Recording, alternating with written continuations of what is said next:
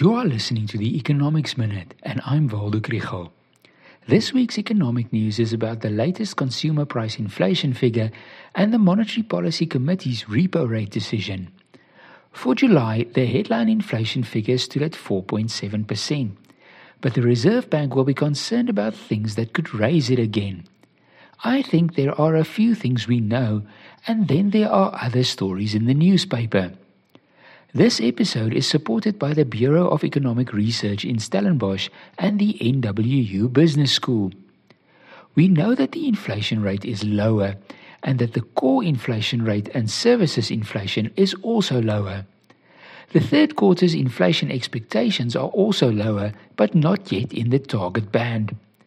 The high interest rates keep the consumer knocked down, and there's not much pressure on prices from the demand side.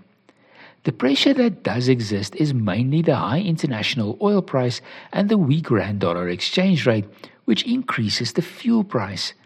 We all feel it in our pockets. The stories in the newspapers are strange. One claims that we should instead look at the month to month changes in the inflation rate, and by that measure, inflation is actually rising.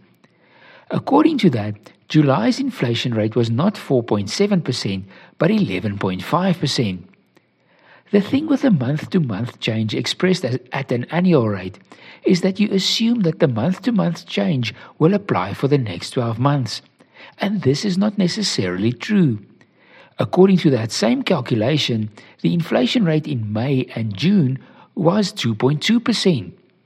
For everyday purposes, I think we should just stick to the year on year figure.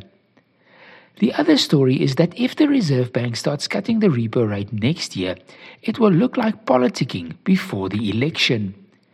This will only be the case if inflation rises in the meantime and then they cut the repo rate. If inflation stays low, they can cut and we can all keep calm.